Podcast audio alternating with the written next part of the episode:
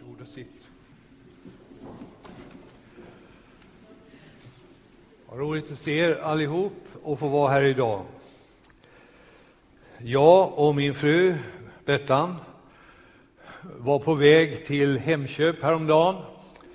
Så träffade vi ett gäng trevliga ungdomar. De kände inte igen oss och de frågade Vill, vet ni var Missionskyrkan ligger? Och det visste vi. Vet ni vad man gör i kyrkan?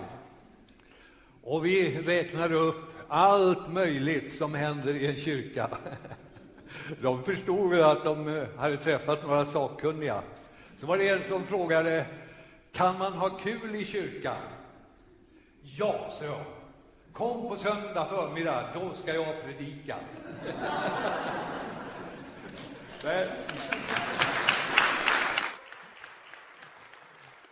Men, så tänkte jag när jag gick därifrån, oj, det här blir lite fel.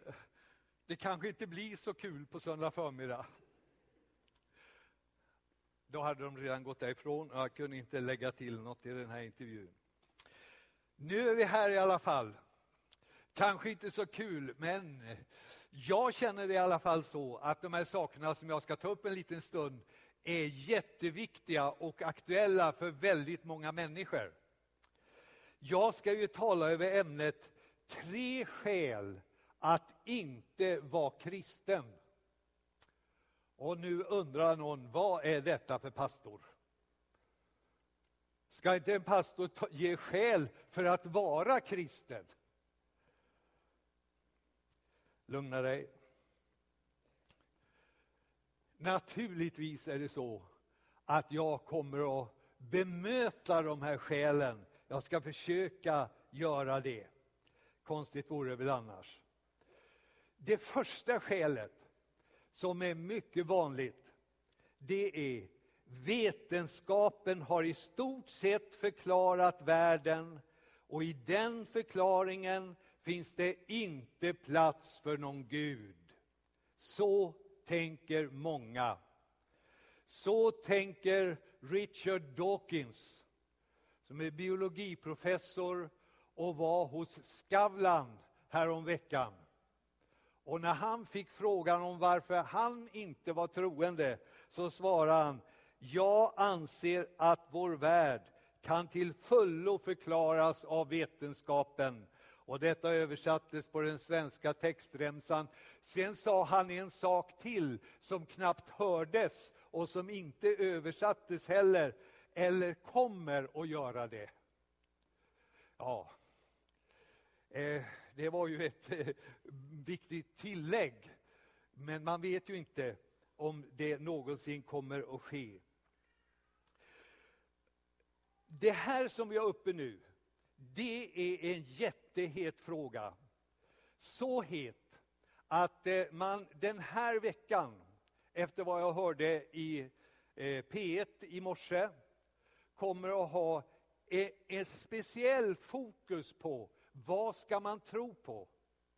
Och det med anledning av frågan om tro och vetenskap som har blivit allt mer aktuell den allra sista tiden efter vad man sa.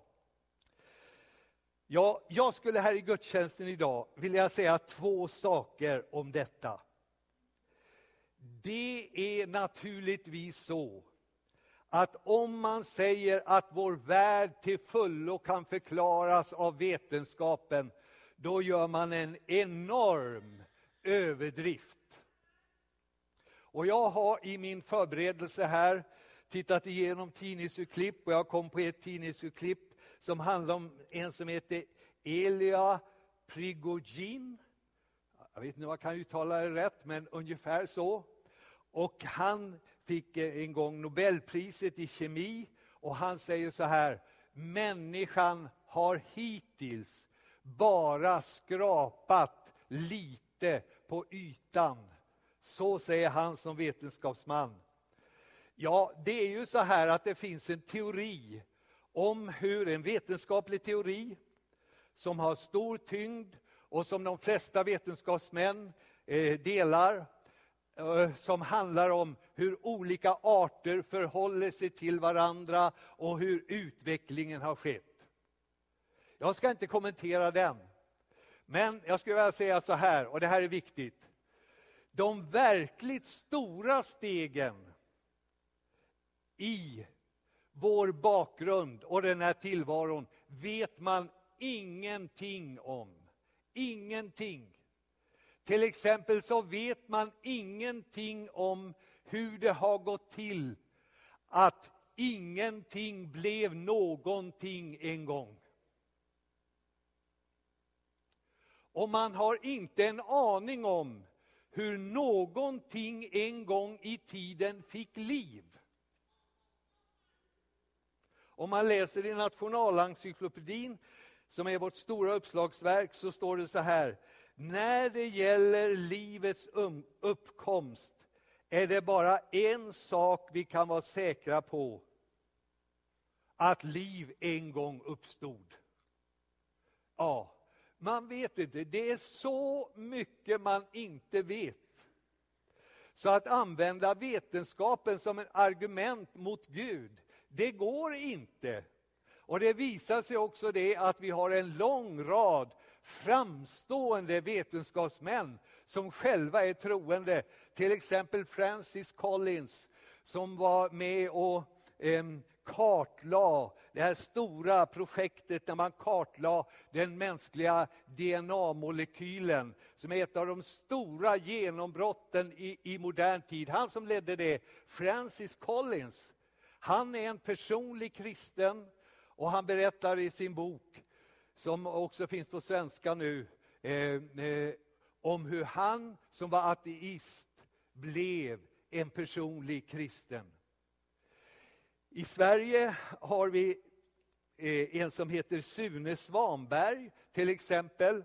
Han är professor i Lund i atomfysik och han eh, sitter med i Kungliga Vetenskapsakademin. Han har suttit i många år i Nobelkommittén. Han har varit ordförande i Nobelkommittén ett antal år. Han är en av vårt lands främsta vetenskapsmän. Han är pingstvän.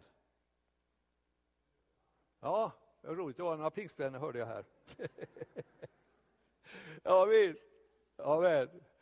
Så, så liksom, liksom när någon eh, sådär, gymnasielärare eller någonting, eller någon på högstadiet säger att, eh, att jag kan inte tro på Gud av vetenskapliga skäl, så visar vederbörande sin stora okunnighet. Eh, för eftersom det finns eh, ledande företrädare som själva är troende. Werner Heisenberg, som också är en ledande vetenskapsman och fick Nobelpriset i fysik. Han sa så här. Första klunken du tar i vetenskapens bägare eller när du tar första klunken i vetenskapens bägare blir du ateist. Men när du har tömt den i botten möter du Gud där. Ja, När jag säger detta så är det väldigt viktigt, och jag vill ta upp detta därför att det stod i Dagens Nyheter häromdagen, att eh, Richard Dawkins, biologiprofessorn som är ateist, som jag refererade till nyss, eh, eh, det stod om honom att kristna människor hatar honom. Det tror jag inte. Jag tror inte det. Eh, jag gör det absolut inte. Och vi kristna är naturligtvis öppna för vetenskaplig forskning. För det vetenskapsmännen gör, det är ju att de utforskar Guds värld. Så vi är positiva till detta. Och, men vi har klart för oss att vetenskapen har sina begränsningar och att det går inte att använda detta argument mot tron. Den andra saken som jag hade tänkt att ta upp, det är att det finns så många dåliga kristna. Och det är ju sant. Det är väldigt sant. Och det är många som, som kommer just med detta när gudsfrågan blir aktuell. Man berättar om några kristna man har mött eller några man känner eller några man har hört talas om. Och när folk säger så till mig så säger jag, ja du, jag kan många, många fler exempel på kristna som har misslyckats och kristna som, som inte är som de ska vara. Det ska du veta. Och detta att det här sägs så ofta, det är en tankeställare för dig och mig som är kristna. Eh, och det bör väcka en bön inom oss. Gode Gud, hjälp mig så att jag inte står i vägen för någon människa som söker dig. Hjälp mig att leva så, så att jag inte hindrar andra människor som vill tro på dig. Eh, det kan vara en viktig bön att be ibland. Men jag vill skicka med ett litet obs här. Och det är, inte allt som sägs och inte allt som skrivs är sant. Um, om man följer Dagens Nyheter så kan man ju häpna när det kommer in på det här området. Den enda församling som får utrymme i Dagens Nyheters spalter i stort sett, det är en liten skum grupp i Amerika som är ungefär 30 stycken i församlingen. Det är en församling som inte är erkänd av några och de har en pastor som är en riktig surputte och som är kritisk mot allt och som skäller på alla och som bara ställer till det hela tiden. Ni vet i Amerika är det många människor som går i kyrkan. En vanlig söndag kanske det är runt 100 miljoner som går i kyrkan. Och så finns det en församling där som har 30 stycken. Och de är superkonstiga. Men när Dagens Nyheter skildrar någonting om det andliga livet i Amerika så är det den lilla gruppen på 30 som återkommer gång på gång i spalterna. Och det är klart att den som får sin enda bild av frikyrklighet genom att läsa Dagens Nyheter få en väldigt konstig bild av de frikyrkliga. Det är ju inte underligt, det blir ju så. Eller så hittar de på någon sån där högerkristen som bränner ner abortkliniker och sådär och, och som går i kyrkan. Och så skildrar de en stor artikel om detta och så läser folk, ja sådana är de kristna, tänker de. Såna är, och de är på högerkanten och de, eh, de är våldsamma och, och sådana här slutsatser kan man dra utav detta. Naturligtvis om det är ens enda information så drar man de slutsatserna. Och det är klart, att det är inte så roligt att göra en artikel och skriva om eh, någon kristen i Amerika som eh, går till kyrkan på söndagen och som sköter sin ekonomi och sköter sitt arbete och tar hand om sin familj och eh, lever sitt liv och kämpar på och betalar skatt. Och, eh, hur en artikel blir det? Vem vill läsa sånt? Men läsa om de som bränner ner abortkliniker och de som är allmänt hatiska och sura och konstiga, det, det blir ju en färgstark artikel och därför lyfts det här fram. Men vi får akta oss för att tro på allt som skrivs och allt som sägs. Och Det kan gälla delvis också svenska tidningar. Man får ta det med en nypa salt. Det är eh, märkligt det här att, eh, att det, det är på det sättet. Eh, men en del av det som skrivs är sant. Det är det. Det är sant att det är präster i katolska kyrkan som har begått övergrepp på pojkar. Det är sant. Tyvärr är det sant. Men det beror ju inte på att de här prästerna är kristna. Utan det beror ju på att de är för lite kristna. Det är ju det som är problemet. Och Knutby, som var en lång följetong och som dyker upp rätt vad det är. Det är ju en hemsk, förfärande sak som har hänt och som har stämplat delar av svensk kristenhet. Men det är ju viktigt att komma ihåg att det skedde, det som skedde i Knutby, beror ju inte på att de var kristna, utan det beror på att de var för lite kristna. Det är viktigt att komma ihåg. Och ett annat obs som man också ska ha med, det är ju att inte alla som kallar sig kristna är det. Det finns en del som har fördel av att kalla sig kristen och, och som därför gärna gör det. Breivik i Norge, ni vet Oslo, massmördaren, han kallade sig för kristen och inte för så länge sedan stod det i Expressen, den kristne terroristen eh, Anders Bering Breivik. Eh, just det, det här är otäckt, eh, obehagligt, hemskt obehagligt. Men en människa är inte kristen för att hon säger sig vara kristen. Ni vet, om jag tog på mig landslagströjan som en del gör, en del går ju omkring med landslagströja och står det Ibrahimovic på ryggen. Låt oss säga att jag skaffar mig en sån och jag gick ner och spelade här på träningsplan och var med. Och det stod folk och tittade på eh, eh, och sa så här. Ja, där ser man, det är dåligt med svenska landslaget nu.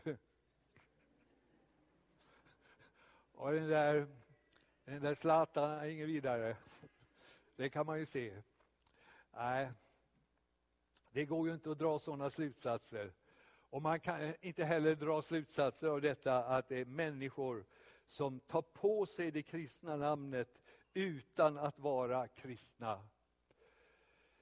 Men det är sant, när man ser förbi dessa obs så är det ändå så att det finns en hel del fel och brister. Och jag måste säga det, jag har ju vuxit upp kan man säga i kyrkan, min pappa var pastor. Och jag kan hålla med, det finns en del småaktighet. Till och med en del elakhet. Och det finns en del som är lite överandliga och ser ner på andra. Och det kan vara väldigt obehagligt. Och det finns en del människor som på grund av att de har egna problem blir aggressiva och så här helt i onödan. Oh, ja, det finns en del och det finns en hel del som, som misslyckas också. Men låt mig få säga, det här uppvägs många gånger om av, av all godhet man får möta i en kristen församling. Och det har jag stor erfarenhet av. All kärlek, omtanke, stöttning. Och vad mycket sånt jag har fått möta. Jag tror det är ett allmänt vittnesbörd. Så är det. Pröva själv. Kom med, så får du se. Allt är inte helt perfekt, långt därifrån. Men det är ju bra, det är ju skönt. För hade det varit så, så hade jag inte kunnat vara med. Jag fick ett telefonsamtal eh, från eh, en person nere i Småland som berättade att han hade varit på en fest ett eh, party av något slag. Och eh, så sa han det att där var det med en, eh, en man. Direktör var han visst, men det spelar mindre roll. Eh, och han sa mitt under festen där, Torsten Åman har frälst mig. Och då var det någon som sa, eh, det var väl Jesus? Ja, det var Jesus, ja. Det var Jesus, sa han.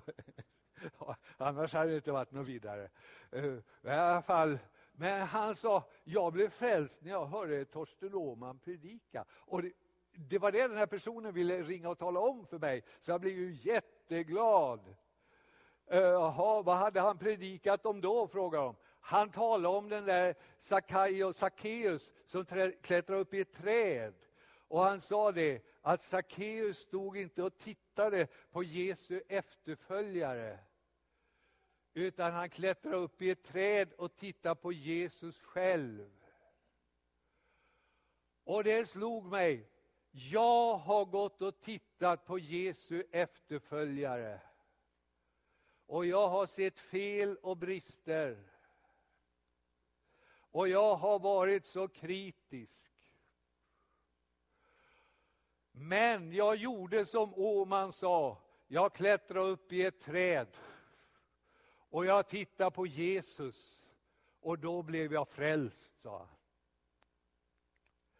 Just det, vet du, vad detta, vet du vad detta kallas för? När man går upp så och tittar över.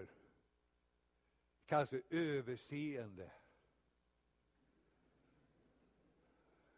Så du som är kritisk mot de kristna och det har liksom låst dig, ha lite överseende. Ha lite överseende med att vi är bristfulla människor. Och så vill jag säga, se på Jesus. För det är det det går ut på. Så har jag en tredje sak. Och det här är en svår sak. Det finns så mycket lidande i världen. Så jag har svårt att tro på en Gud som kan tillåta detta. Vem har inte svårt med den frågan? Det är den svåraste frågan som finns. Hur kan det förekomma så mycket lidande i den värld som Gud har skapat? För mig är den frågan jättesvår. Jag känner det. Vi tänker på Syrien och det som händer nu. Vi ser de blödande barnen som bärs på bårar i krigets fasor. Och vi tänker på dem vi kan se som sitter fastklämda när det är jordbävning och sitter där fast och inte kan räddas. Vi tänker på barn som blir sjuka. Vi tänker kanske på Malia, från ni Malia? Den vad ska vi säga, otroliga 14-åringen i Pakistan. Tjejen som kämpar för att kvinnor ska få utbildning. Vilken skärpt tjej! Vilken modig tjej! Nu har talibanerna satt en kula i henne. Nu ligger hon och kämpar mellan liv och död. Hur kan sånt få förekomma?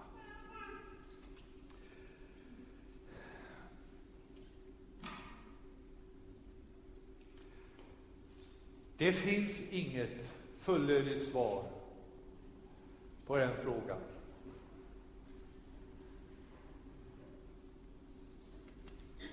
Men det finns ett par saker som man kan säga som är viktiga att ha med och det är till exempel detta. Oändligt mycket i vår värld sker som inte alls är Guds vilja. Vi sjunger i en sån här kör, en sån här refräng, lovsångstyp. Han har allt under kontroll. Jag är inte säker på att det är så.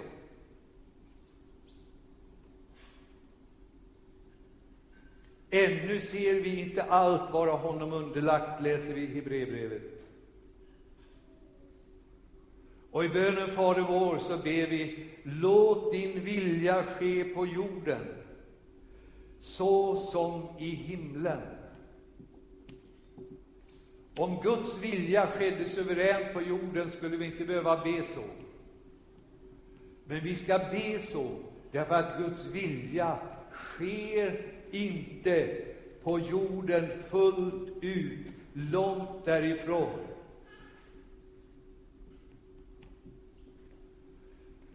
Men Bibelns budskap är, det är det stora budskapet. Det är det alltihop i Bibeln leder fram till. Att en gång ska Guds vilja ske fullständigt på vår jord. Vi är inte där ännu. Men bönen i Fader vår kommer att få sitt svar. Den här skapelsen har inte nått sitt mål ännu. Men en gång ska detta ske. Jag läser i Jesaja. De ska smida om sina svärd till plogbillar och sina spjut till vingårdsknivar. Folken ska inte lyfta svärd mot varandra och aldrig mer övas för krig. Det är ett av de många bibelord som handlar om denna framtid. Och själva finalen, som vi har i Uppenbarelseboken, säger så här. Döden ska inte finnas mer. Och ingen sorg. Och ingen klagan. Och ingen smärta skall finnas mer. Ty det som en gång var är borta. Och han som satt på tronen sa, se, jag gör allting nytt. Alltså, det betyder att det vi ser i skapelsens struktur som fullkomlighet och skönhet en gång ska slå igenom fullständigt. Och det är den stora lösningen på lidandets problem. Men innan vi är där så är vår stora utmaning att vara på Guds sida, på skaparens sida, på livets sida, på kärlekens sida. Var med där. Stå för det goda, representera det och göra vad vi kan för att lindra lidandet på vår jord. Och det finns en uppgift för alla som vill vara med. Det är den kristna livsstilen. Det finns en sak till i det här, och det är att symbolen för vår tro, det är ju ett kors. Tänk att det är ett kors. Det kunde ju ha varit en blomma, livets Gud. Det kunde ha varit en åsna. Jesus red på en åsna och folket jublade. Det kunde ha varit en sten, stenen man rullade undan när Jesus uppstod.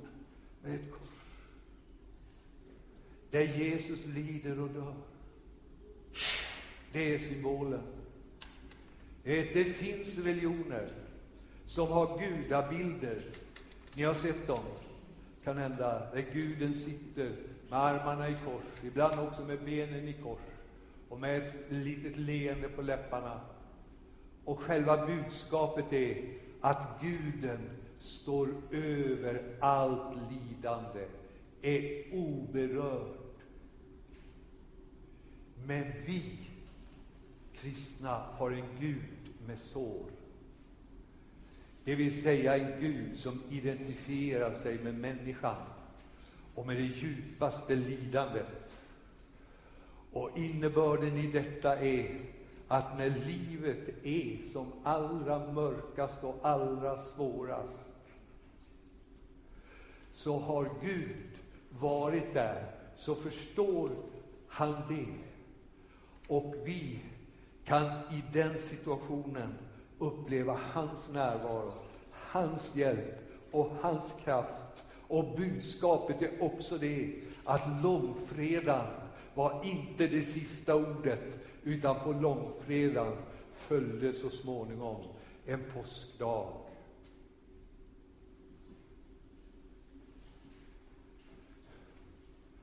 Och det finns en märklig sak i detta. Jag ska ha med det också. Så ofta verkar det vara så att människor som lever mitt i lidandet, där upptäcker Gud. Där upptäcker vem Jesus Kristus är. Så Kina var ju med om en sån fruktansvärd tid under Mao och kulturrevolutionen med svält och lidande och 20 miljoner människor avrättades under den perioden, minst 20 miljoner. Vad har hänt? I Kina har det blivit den största andliga kristna rörelsen någonsin. Och på några årtionden verkar det som att den kristna kyrkan har vuxit med närmare 100 miljoner människor i Kina. Något liknande har skett i Etiopien. Där man har levt under förtryck, svält, krig. Men det har blivit miljontals människor kristna under den tiden. Därför att i det djupa lidandet har man ropat Gud finns du? Gud, vad är du nu? Och man har fått svar. Man har fått kontakt. Det har hänt någonting. Det här löser inte lidandets problem, men det är viktiga inslag. För den kristna tron har mer att säga om det här än någon annan religion eller livsåskådning i världen. Och det vill jag gärna lyfta fram. Det var de tre frågorna.